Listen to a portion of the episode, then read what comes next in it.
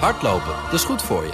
En Nationale Nederlanden helpt je daar graag bij. Bijvoorbeeld met onze digitale NN Running Coach... die antwoord geeft op al je hardloopvragen. Dus, kom ook in beweging. Onze support heb je. Kijk op nn.nl slash hardlopen. BNR Digitaal wordt mede mogelijk gemaakt door Incentro, een IT-bedrijf. BNR Nieuwsradio.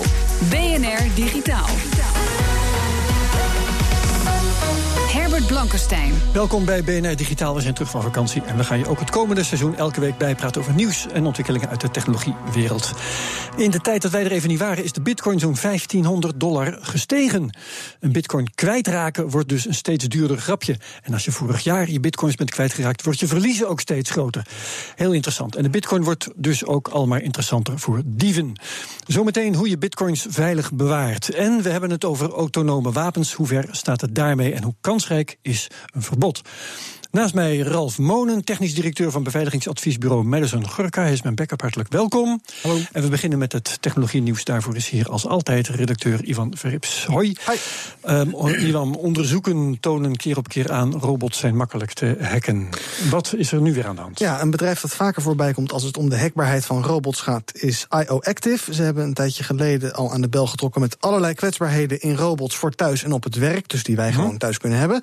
Uh, maar die zijn eigenlijk allemaal niet aangepakt. Uh, zo laten ze nu weten. En daardoor kun, uh, kan je mensen bespioneren met die robots. Als je daar dus. Zijn er veel robots die wij thuis hebben? Ik nou, ik heb ze niet, maar je, kan, je, kunt, ze wel, je kunt ze wel kopen. En uh, ja. ja je, je, kunt ze thuis hebben, ook op het werk bijvoorbeeld. En ze kunnen je bijvoorbeeld bespioneren, maar je kunt ze ook manipuleren zodat ze gaan bewegen.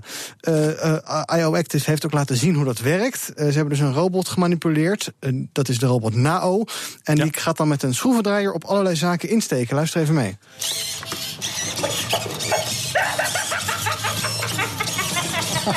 Dit lachje hoort er ook bij.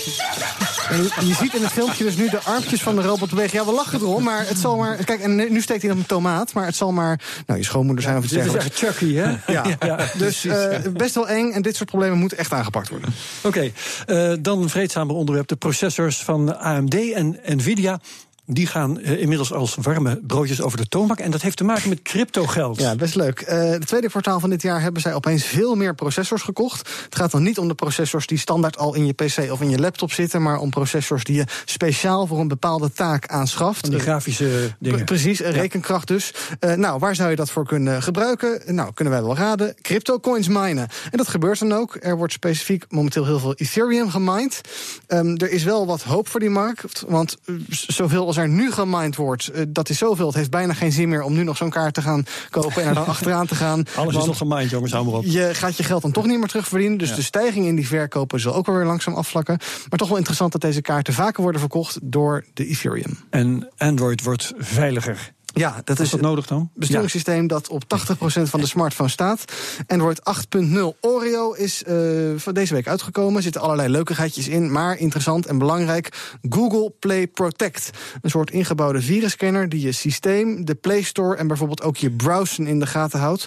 Uh, op allerlei veiligheidsrisico's. Oké, okay, dankjewel Ivan. Uh, Ten slotte nog even, Ralf, jij knikte was het inderdaad hard ja. nodig? Ja, zeker. Kijk, uh, het is altijd een beetje een pitch tussen, tussen Apple en, uh, en uh, Android. Hè, als het gaat om nou, wie heeft dan de grootste markt, maar ook wie is het veiligste. Hè. En tot nu toe had al Apple toch best wel de overhand, omdat hij dus de, de apps veel beter controleerde voordat die op je telefoon kwamen. Ja, en dit, Android haalt het nu in. BNR Nieuwsradio. BNR Digitaal. 116 technologieprominenten pleiten deze week onder leiding van Elon Musk bij de VN voor regulering van autonome wapens. Die slimme wapens kunnen door middel van kunstmatige intelligentie hun doelwit zelf uitkiezen en daarna ook uitschakelen. Komt dan geen mens meer aan te pas. Daarover ga ik praten met Merel Ekelhof. Hartelijk welkom. Dankjewel. Zij doet aan de Vrije Universiteit onderzoek naar autonome wapens. En je bent jurist. Ja. Ik denk uh, aan vliegende of rijdende robots die intelligent en autonoom zijn. Um, wapens die al die aspecten combineren, worden die op dit moment al gebruikt?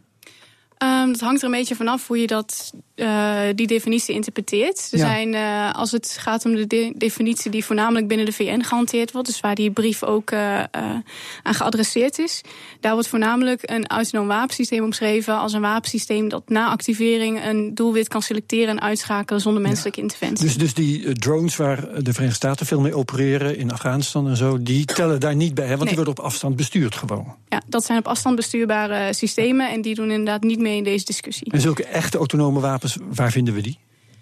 Um, nou, die definitie die wordt op verschillende manieren geïnterpreteerd. Dus mm -hmm. op het moment dat je zegt echte autonome wapens, dan is een, een deel van die, uh, van die partijen die, die zien dan inderdaad uh, Terminator-achtige scenario's, wat we ook de laatste tijd veel in de media hebben gezien.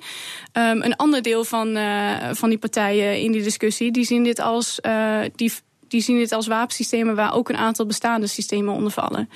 Dus dan hebben we het bijvoorbeeld over systemen die in een defensieve context, in een redelijk gestructureerde omgeving, uh, voorgeprogrammeerde, doelwit, voorgeprogrammeerde doelwitten mogen selecteren en uitschakelen. Dus in Nederland gebruiken we bijvoorbeeld al tientallen jaren bij de marine de goalkeeper. En die zoekt okay. in de lucht naar inkomende ja. raketten en uh, schakelt dus dat Dus die valt er dan eigenlijk ook al onder, volgens sommigen dan tenminste. En daar is dus wat meningsverschil over. Ja, nou daartussen zit een heel groot grijs gebied. En de vraag is eigenlijk van waar zit nou daadwerkelijk het probleem? En om ja. dat verder te kunnen definiëren, wordt daarover gepraat uh, ja. in de VN. Ja, en, en heb jij daar ook idee over? Wat, wat is het werkelijke probleem met deze wapens? Zeg daar iets, zeg daar eens iets over. nou, um, uh, wat ik wel interessant vind aan die brief die op dit moment is uitgekomen, dan van die verschillende CEO's, waaronder ja. Elon Musk, is dat het heel erg gefixt is op autonome wapensystemen. Dat zien we wel vaker, want op het moment dat het gaat om bewapening van slimme systemen, dan is, dan is de urgency en het gevoel van we moeten hier echt iets aan doen in één keer een stuk groter. Uh, dat is op zich goed, maar we moeten niet vergeten dat dit soort technologieën juist ook in de commerciële wereld heel erg worden ontwikkeld. Um, waardoor we niet alleen moeten kijken naar dat laatste deel, die bewapening, maar ook moeten zeggen hoe kunnen we eigenlijk kunnen ko komen tot een veilige ontwikkeling van deze, deze ja. technologie. Ja, en is technologie al zodanig dat automatische wapens uh, foutloos kunnen zijn? Want dat wil je natuurlijk, hè, dat ze niet de verkeerde kant op schieten, om maar eens iets heel doms te zeggen. Nou, eigenlijk kunnen net zoals mensen ook systemen fouten maken. En ja. mensen kunnen een systeem verkeerd inzetten en er kunnen fouten uit voortvloeien. Dus dat kan inderdaad op verschillende manieren misgaan. En het risico bij uh, een aantal huidige systemen die meer geautomatiseerd zijn, dus echt binnen beperkte omgeving en parameters uh, beslissingen mogen nemen, is dat risico een stuk kleiner dan wanneer je een systeem um, die bijvoorbeeld, dat wordt vaak genoemd learning, die dan in het uh, veld mag gaan leren. En dat heeft dan een voordeel zeggen veel mensen, omdat het systeem dan niet te maken heeft met situaties waar ze niet op kunnen reageren. Dus op het moment dat ze niet geprogrammeerd zijn, er gebeurt iets wat, wat onbekend is, dan zouden lerende systemen daar nog iets mee kunnen. Ja. Uh, maar ja, daar zitten ook weer risico's aan vast. Want het wordt vaak gezien als een black box, dus dat we niet zo goed dat weten wat weet er dan mee gebeurt. Ja. Ja, ja, Ralf wil wat zeggen. Ralf ja, inderdaad. Want uh, kijk, dit zijn natuurlijk militaire toepassingen, maar we weten ook dat uh, dit soort dingen heel makkelijk eigenlijk door hobbyisten in elkaar gezet kan worden. Drones die kunnen al autonoom vliegen. Hè. Dat heb je gewoon, die kan je gewoon zelf bouwen. En er zijn al mensen geweest die hebben gewoon een pistool onder een drone gehangen. En die vliegen dan ergens naartoe en dan kunnen ze mee schieten. Um, er is maar dus een hele kleine stap nodig voordat er dus autonome wapens voor burgers mogelijk zijn. Hoe, hoe, hoe gaan we daarmee om? Nou, ik denk dat dat, dat, dat al wel kan. Het, uh, het, probleem is met. Uh, en en, en uh, daar dan regels voor stellen heeft weinig zin. Want een burger doet dat gewoon, tenminste, als hij boze bedoelingen heeft. Nou, dat is waarom dit. Hij is niet bang voor een bekeuring, wil ik maar zeggen. Nee, nou, en dat is waarom dit verbod ook binnen de VN. Want, want je zou in eerste instantie denken: van nou, waarom zou je niet een verbod op autonome wapensystemen willen? Maar er zijn toch veel landen die zeggen: van nou, we kunnen wel een verbod op autonome wapensystemen instellen. Maar dan gaan we voorbij aan een ontwikkeling die uiteindelijk op de markt gewoon verder gaat. De commerciële markten die dit wel mogen verkopen. Het zou natuurlijk het risico voor landen is veel te groot op dit moment. Uh, om te zeggen van we gaan wel voor onze eigen militairen zeggen van we gaan geen uh, autonome wapens ah, ja. gebruiken. Maar um, een particulier mag wel de technologie van Amazon. Dus dan leg je het af als, als overheid. Kun je het zo samenvatten? Ja, nou, er zijn wel manieren om je natuurlijk wel iets mee te doen. Dat betekent niet dat we op onze handen moeten gaan zitten. Wat is dan het alternatief voor een verbod bijvoorbeeld? Nou, naast een verbod zou je ook kunnen denken aan bepaalde regulering. Uh, de discussie over wat nu een autonoom wapensysteem is, of het verboden moet worden, dat gaat niet zo snel. Loopt eigenlijk een beetje, een beetje vast op veel vlakken. Maar je zou wel kunnen kijken van wat nu ook geopperd wordt binnen de VN. Uh, wat vinden we dan betekenisvolle menselijke controle? Als er dan een nieuw systeem komt, gaan we dan bepaalde voorwaarden stellen van onder deze voorwaarden mag het opereren, want dan zien wij de menselijke controle als betekenisvol. Ja, en dat is iets wat je wel verder zou kunnen ontwikkelen in verschillende vormen. Ja. Dan wil ik nog even terug naar Ralf. Want uh, jij hebt verstand van hacking. Uh, en ik zit me ook af te vragen, als er links en rechts in het, uh, op het slagveld automatische opererende robots staan, dan zijn die misschien ook wel te hacken. Zou me verbazen als het niet zo was. Ja, zeker. alles is uiteindelijk te hacken. Hè? Uh, helemaal als je op de een of andere manier fysieke toegang tot zo'n robot en hebt. Wordt er in de hackerswereld al over nagedacht? Of misschien ook al wat aan gedaan? Ja, en ook in de militaire wereld, zeker. zeker. Ja, natuurlijk. want, natuurlijk want kijk, van de tegenpartij dat, wil je dat, ja, dat, ja. dat de autonome robots te hacken zijn, uh, dat is logisch. Maar wat dacht je van gewoon de tanks en de vliegtuigen die we nu hebben? Ik bedoel, die moeten ook beschermd worden. Die kunnen ook gehackt worden. Hè? Dus, dus het is een logisch, logische ontwikkeling. Ik zie daar op zich niet zo heel veel verandering in. Dat ze autonoom zijn, betekent niet dat ze makkelijker hackbaar zijn of zo. Ja, uh, maar wat zijn de gevolgen daar dan van? Um ik, ik, ik aarzel om een echte vraag te formuleren, want ja, ik kan het helemaal niet overzien. Moet ik nee, daar kan ik ook niet overzien. Kijk, je, je, je kunt je voorstellen dat er in ieder geval heel veel researchbudget gaat naar het hacken van dit soort zaken. Hè, ja. En dan vooral vanaf de, de andere kant. Hè, dus de Chinezen gaan onderzoek doen naar hoe de Amerikaanse uh, autonome wapens werken en hoe ze die moeten gaan hacken op, vanaf een afstandje. Hè, want die dingen die communiceren natuurlijk, die hebben draadloze technologieën. Dus daar, daar kun je misschien over een afstandje invloed over uitoefenen. Ja. En andersom ook. Amerika heeft ook een budget die daarnaar kijkt. Ja. Tot slot, uh, Merel, ik kan me ook wel voorstellen dat er iets moois uit zou kunnen komen tussen dikke aanhalingstekens. Uh, als beide partijen de oorlog voeren met robots, uh, dan kunnen de mensen gewoon langs de kant staan en afwachten en zich gewoon onderwerpen aan de winnende partij. Gaat de oorlog in de toekomst er zo uitzien? Hm, dat denk ik niet. Nee? Ik denk dat uh, het wordt vaak gezien dat autonome wapensystemen de mensen helemaal overnemen. Maar het is juist als je kijkt naar uh, militaire besluitvorming, dat, dat, uh, dat het een heel groot proces is. En dat ook het gebruik van een autonoom wapensysteem niet betekent dat mensen dan allemaal maar lekker naar huis kunnen. Jammer. Maar toch bedankt voor dit gesprek. Merel Ekelhof, jurist van de Vrije Universiteit. Lekker chatten, maar dan met jezelf. Het kan en de app heet Replica. Dat hoor je zo. BNR Nieuwsradio. BNR Digitaal. Chatten met jezelf, wie wil dat nou niet? En dat kan natuurlijk al lang, maar er is nu ook een app voor die heet Replica. Dat zag redacteur Ivan Verrips in een filmpje van Quartz. Eugenia Quida is een tech-ondernemer. Ze woont in de VS nu, maar komt eigenlijk uit Rusland. Dus laten we haar gewoon Yevgenia noemen. Ze specialiseert zich in chatbots. Jarenlang maakte ze bots zoals Google en Apple dat ook doen. Functioneel. Maar daarna is ze zich gaan specialiseren in bots die goed kunnen luisteren. En de aanleiding om dat te gaan doen was een droevige. Roman was crossing the street and a jeep just came out of nowhere and just hit him. And they took him to hospital and I came to the hospital but he was already dead. Haar goede vriend Roman overleed. Toen hij nog leefde, hadden ze eigenlijk continu contact via de smartphone. Maar na het overlijden miste Yevgenia Roman heel erg. I went on his Facebook page and you know there really just were a few links. I went on his Instagram page and there were no photos. The only thing I can do to kind of remember him um, is to go to our messenger history and just scroll and read it all. And that was the closest to just, you know, get to feel him. Yevgenia had een idee. Ze zou Roman reconstrueren uit wat er digitaal van hem was overgebleven. Ze verzamelde chatconversaties van haar en Roman, maar ook van andere vrienden van Roman met Roman. En zo kon ze chatten met Roman en gaf de door haar gemiste Roman toch een soort van antwoord in de vorm van een chatbot. Originally I thought I'm building a bot for him so I'm going to learn more about him. But eventually what happened is, you know, I get to understand myself better. And I think that's what sort of happened with most of the people that interacted with it. Ze maakte Roman openbaar en leerde op die manier dat mensen behoefte hebben aan conversaties en soms aan hele persoonlijke conversaties. Daarna begon ze aan een nieuw project. Een chatbot zoals Roman, maar dan die je zelf voedt. Met jouw informatie dus. De app leert van jou en gaat daarna met je in gesprek. Dus eigenlijk ben je dan met jezelf aan het praten. Yevgenia focust zich op persoonlijke gesprekken. Die je bijvoorbeeld zou voeren met een beste vriend. These are all conversations mostly about ourselves.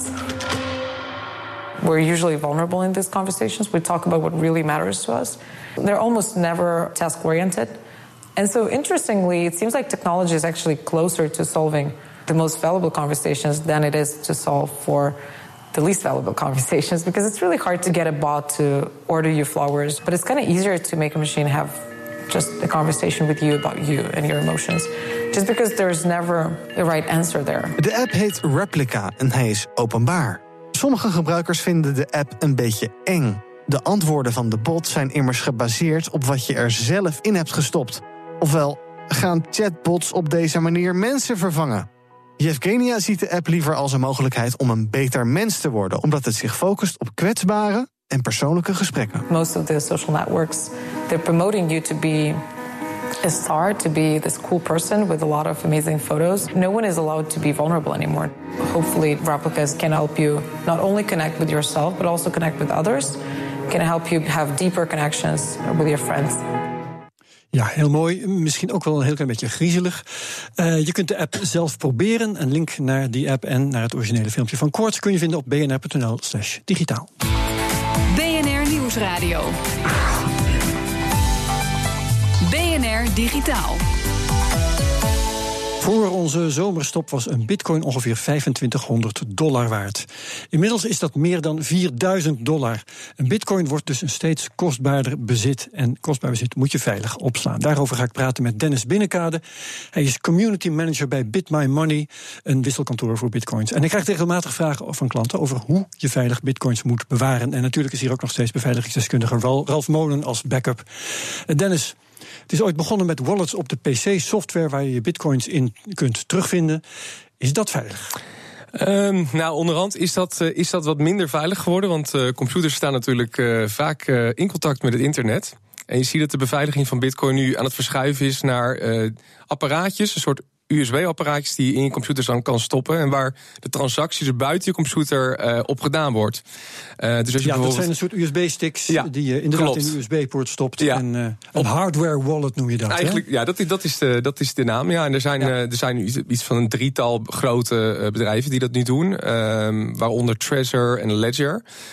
ik denk dat de meeste mensen die gebruiken. Ehm, maar er is natuurlijk ook een verschil tussen hoe veilig en hoe gebruiksvriendelijk moet het zijn. Ik zal je een verhaal vertellen, want ik heb ook zo'n ding. Ja. Zo'n hardware wallet. Die zijn klein. Ik ben hem een keer kwijt geweest. Ja. Dat is niet leuk. Nee, maar dat is ook niet het einde van de wereld. Uh, nee, want je moet dan een, een, aantal woorden moet je hebben bewaard. Ja. Hè? Dus je moet je backup toch weer ja. Ja. Uh, in orde hebben. Op ook een bij papiertje, nota bene. Ja, je... ja, dat is heel analoog. ja, ik, maar voordat we daarover verder gaan, er is, zit ook nog iets tussenin. Want er zijn allerlei, uh, nou, de, de, de, de bitcoin-beurzen bijvoorbeeld... maar ook bedrijven als, als het jouwe, Bit My Money... bieden aan, wij bewaren die bitcoins wel voor je op een online account. Ja.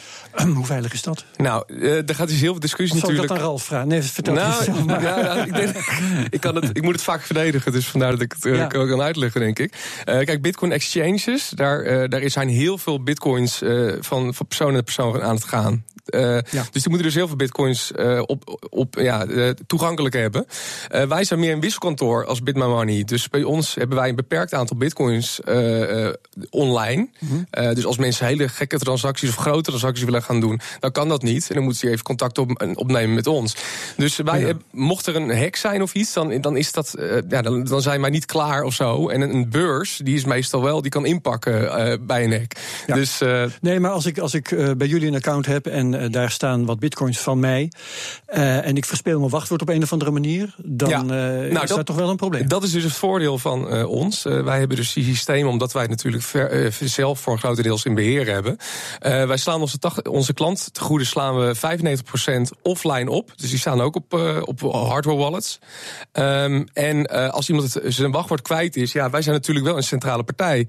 Bij een Treasure, als je daar je code kwijt bent, dan kan je niets meer. Bij ons kan je. Treasure bedoel je een, een, een hardware wallet, ja. Oh, nee, sorry, hardware, hardware wallet, ja, ja. ja. En wij kunnen er dan zorgen, zorgen dat jij uh, weer bij je account uh, kunt door middel van ID en, en, en dat soort know your customer processen. Nu ga ik alsnog naar Ralf. Hoe bewaar jij je bitcoins?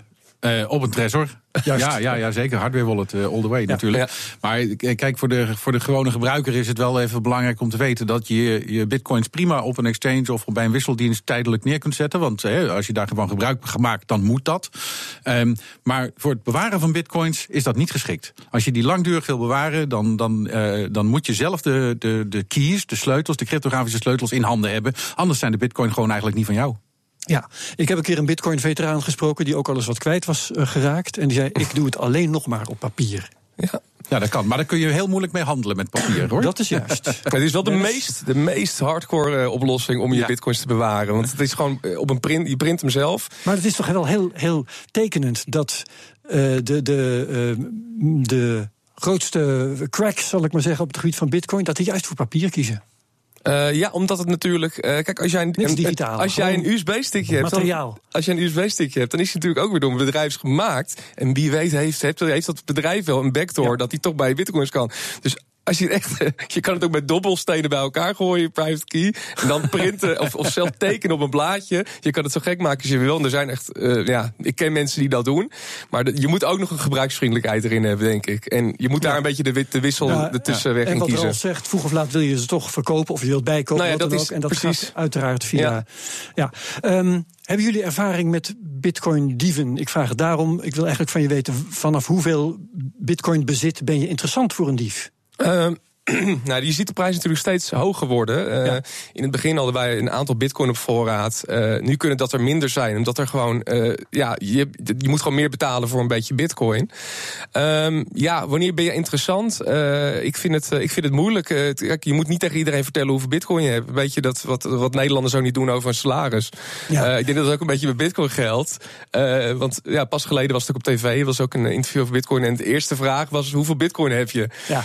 Ja, nou dat is wel best wel tricky. Want zeker, misschien is het nu niet zoveel. Uh, als je er bijvoorbeeld één hebt. Maar ja, het zou zo over uh, tien jaar uh, het tienvoudige kunnen zijn. Nee, niet dat iemand. Oh, dat was iemand die één bit. Oh, wacht even. Een miljoen ja. van spreken. Ja, Precies, ja. En, en er zijn nog altijd mensen die op uh, internetfora of zo met hun gebruikersnaam erbij uh, zeggen van... oh, ik heb zoveel bitcoin. Nee, het is niet, dan ben je gelijk een target. hè? En, klopt. En er zijn ook dus stukjes malware, hè, dus uh, virussen... die op zoek gaan naar die wallet files op je pc als je geïnfecteerd raakt. En er is nu ook een ransomware variant die eerst zoekt naar walletgegevens... voordat hij je harddisk encrypt. Want dat is een makkelijke manier om aan geld te komen. Ja, precies. Um, dus even kijken. Een ander gevaar met bitcoins, Dennis, is natuurlijk dat je uh, die gegevens die je nodig hebt uh, om ze eventueel terug te kunnen vinden, het wachtwoord misschien van je rekening bij, ja. een, uh, bij een exchange of, of, of bij jullie, dat kun je allemaal kwijtraken. Mm -hmm. Wat doe je in zo'n geval? Nou ja, zoals ik eerder zei, uh, bij ons, wij zijn een gecentraliseerde partij in het Bitcoin-systeem. Dus wij kunnen met, kunnen helpen. met ID-verificatie en bellen en dat soort dingen. Wij doen een aantal checks. Dan kun je kun je, je wachtwoord resetten. Uh, op een uh, wallet, op een, op een hardware wallet, dan, als je daarna je seed niet meer hebt, dan is het gewoon dat zijn die, einde die oefening. 12 ja, dat zijn die aantal woorden. woorden die je bij de installeren ja. van, de, van, de, van de wallet krijgt. Dan is het gewoon klaar. En die bitcoins die zijn ook totaal uit het netwerk. Dus die, die zijn wel bij het algemene bitcoins, dus op dit moment 16 miljoen, die zijn er wel bij opgepikt geteld. Ja. Maar die kunnen dus nooit meer gebruikt worden. Weet iemand hier in deze zaal uh, hoeveel, hoeveel bitcoins er al zoek zijn? Ja, het gaat om miljoenen. Miljoenen. Ik, uh, Van die 16 miljoen. Dus ja, echt, echt een, een, paar miljoen, een paar miljoen. Er zijn zes schattingen. Ja, een paar miljoen. En um, ja, er zijn er nu ongeveer 16 miljoen gemijnd. En over 50 jaar, ik moet even, ik ga even naar de expert kijken hoe lang het duurt voordat de laatste bitcoin gemijnd ja, wordt. iets in die richting. Ja, ja. Uh, dan wordt de laatste bitcoin gemijnd. En in dat laatste jaar duurt het ook een jaar voordat één bitcoin gemijnd wordt. Ja. Dus de schaarste neemt toe. Ja. Er uh, zijn zelfs diensten die claimen dat ze je kunnen helpen met het achterhalen van zo'n wachtwoord. Is dat bedrog of niet? Uh, ik, ik, heb, heb goede verhalen gehoord van een, een, ja, er, er, is inderdaad iemand, ik geloof dat hij Dave heet, en die, die heeft een hele goede reputatie op dit gebied. Hij heeft geen achternaam. Hij, hij, nee, hij heeft geen oh, achternaam en hij, en hij wil 20% van de bitcoins die hij terugvindt. Ja. En, en ik no heb cure, no pay. Ik, ja, no cure, no pay, 20% als het hem lukt. En uh, ik heb goede verhalen over hem gehoord. Maar het is, nogmaals, uh, ik heb het ook alleen maar van Reddit. Dus, ja, ja. ja. ja. Oké. Okay. Um, Ten slotte, Dennis, uh, bitcoin is anoniem, wordt wel eens gezegd. Maar vroeg of laat, als je je bitcoins weer wil omzetten in euro's, dan wordt dat zichtbaar? Want dan ga je toch op een of andere manier met je bank. Uh, ja, eigenlijk op de randen van het netwerk waar uh, currency wordt gewisseld. Uh, dat zijn juist de, de interessante ja, voor de overheid, zeg maar. Want daar gebeurt euro naar bitcoin bijvoorbeeld. Ja. op het netwerk kan je in principe alles, alles uitwisselen met elkaar. Maar nog even over de, dat alles anoniem Kort is. Houden, alsjeblieft. Ja, het is anoniem, maar je kan, als je het beginadres en het eindadres hebt, dan kun je precies als je, als je onderzoek doet, dan kom je er precies wel achter wie wat heeft. Dus, zo anoniem is het, zo dus allemaal. Het is pseudoniem. Pseudoniem. Ja. Dankjewel, Dennis Binnenkader van Bit My Money. Tot zover BNR Digitaal. Dank ook Ralf Monen, mijn backup vandaag. Uitzending kun je terugluisteren via de app bnr.nl slash digitaal, via podcast Spotify. En volgende week zijn we er gewoon weer. Tot dan. BNR Digitaal wordt mede mogelijk gemaakt door Incentro, een IT-bedrijf. Hardlopen, dat is goed voor je. En Nationale Nederlanden helpt je daar graag bij. Bijvoorbeeld met onze digitale NN Running Coach... die antwoord geeft op al je hardloopvragen. Dus, kom ook in beweging. Onze support heb je. Kijk op nn.nl slash hardlopen.